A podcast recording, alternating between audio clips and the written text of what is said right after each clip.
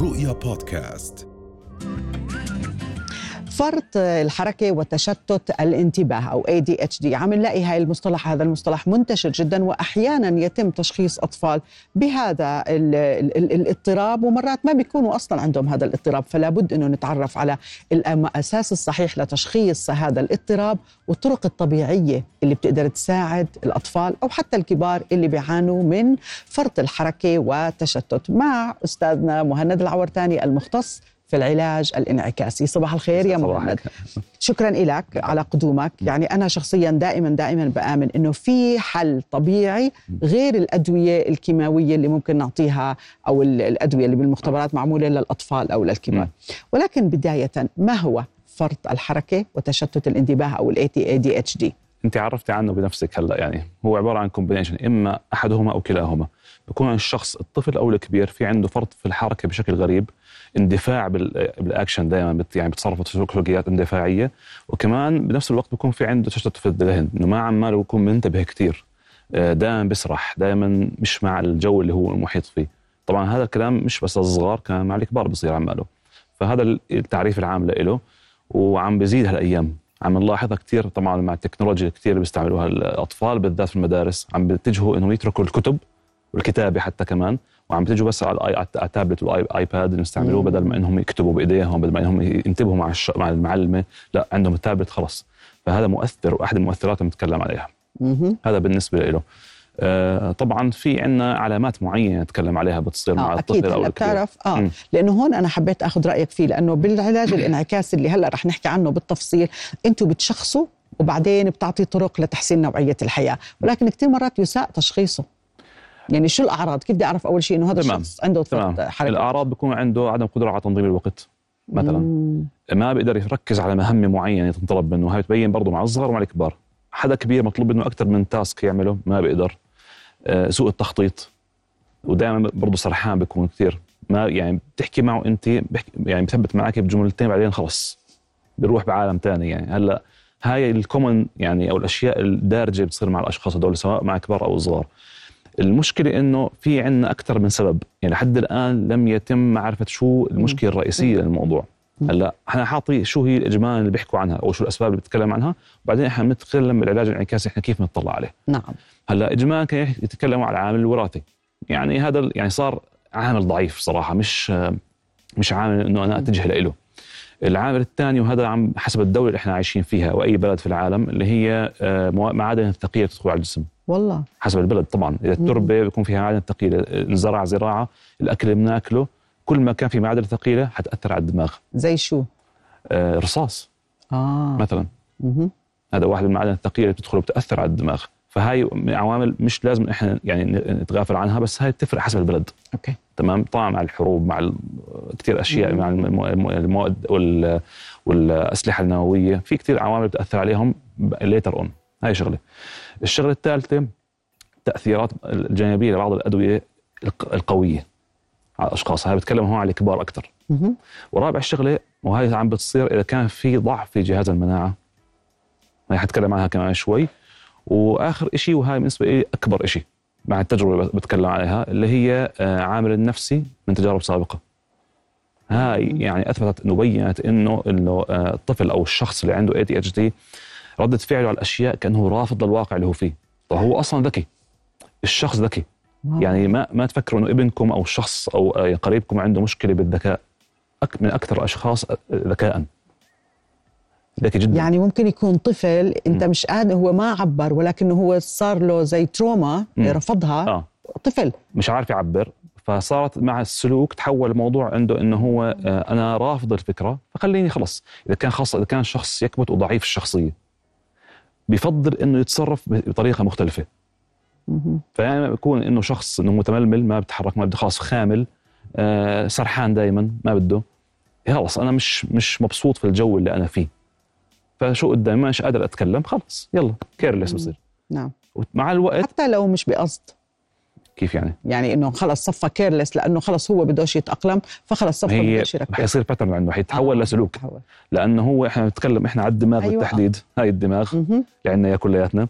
هلأ ال ADHD لما نتكلم عن هو شيء سلوكي. هذا الجزء الأمامي الفص الأمامي نعم. الأيسر والأيمن. نعم هاي هاي نصين فبنتكلم إحنا عن ال part الأمامي من الدماغ.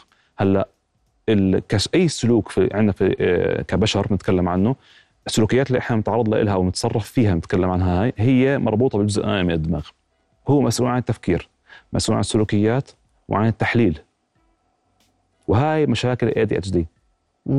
لما يصير عنده أي واحد مشخص ب ADHD نتكلم فهو تلقائيا عنده اضطراب بهذا الجزء. بالأساس. بغض النظر عن السبب فلما نتكلم مشاعريا إنه الشخص هون صار عنده آه، كبت بأثر بمشكلة معينة صار ظرف عائلي إلى آخره هون تلقائيا كهربائيا حيتأثر هذا الجزء.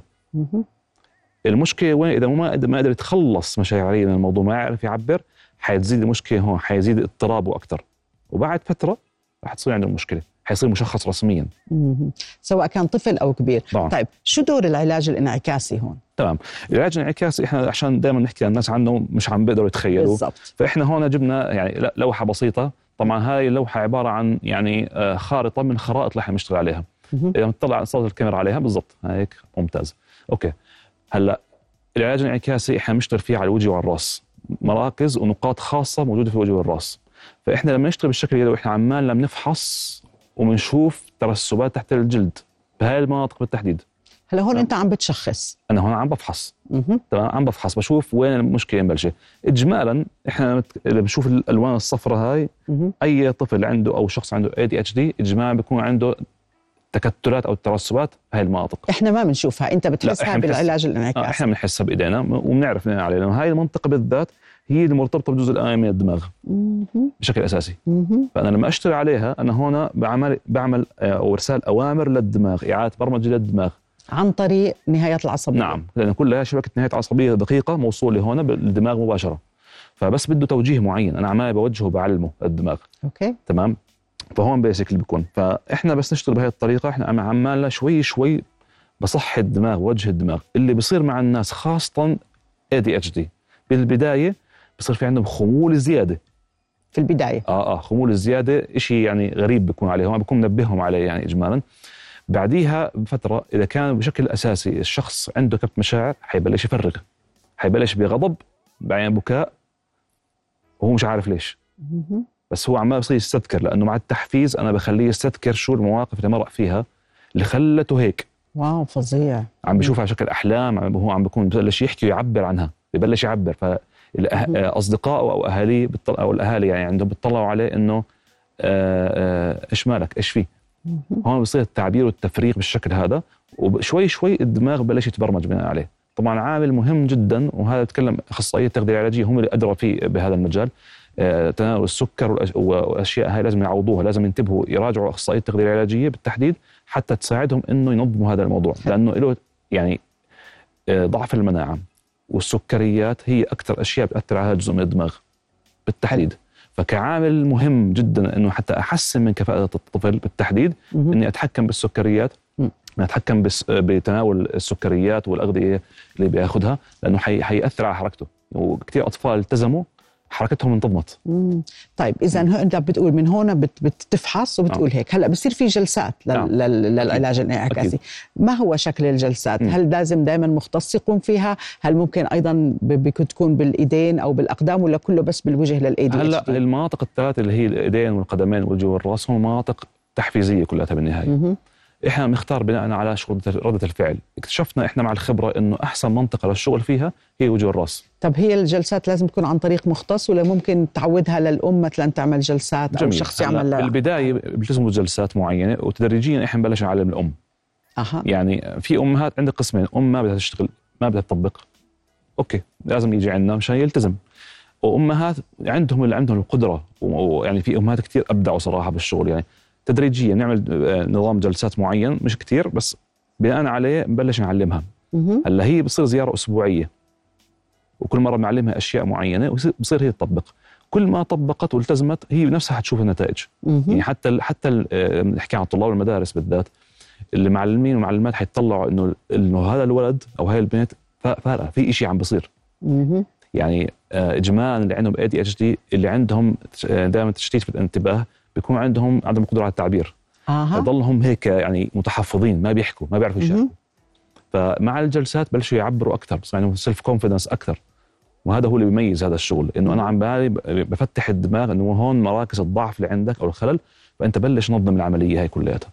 يعني هو بيحل الموضوع من جذوره. طبعا. يعني بده مثلا فترة جلسات قديش بنقول حسب الحالة. يعني في حالات صعبة وصلت مرحلة من كمية الأدوية عم تاخذها ولها سنوات طويلة. بدها بدها شغل بدها وقت آه. فهي حسب كل ما كان مبكر تدخل كل ما كانت النتيجه أسرع مم. وهذا بيكون خلص على طول آه واو آه. رائع آه. جدا آه. جدا م. شكرا لك مهند العورتاني المختص بالعلاج الانعكاسي شكرا لك شكرا لك رؤيا بودكاست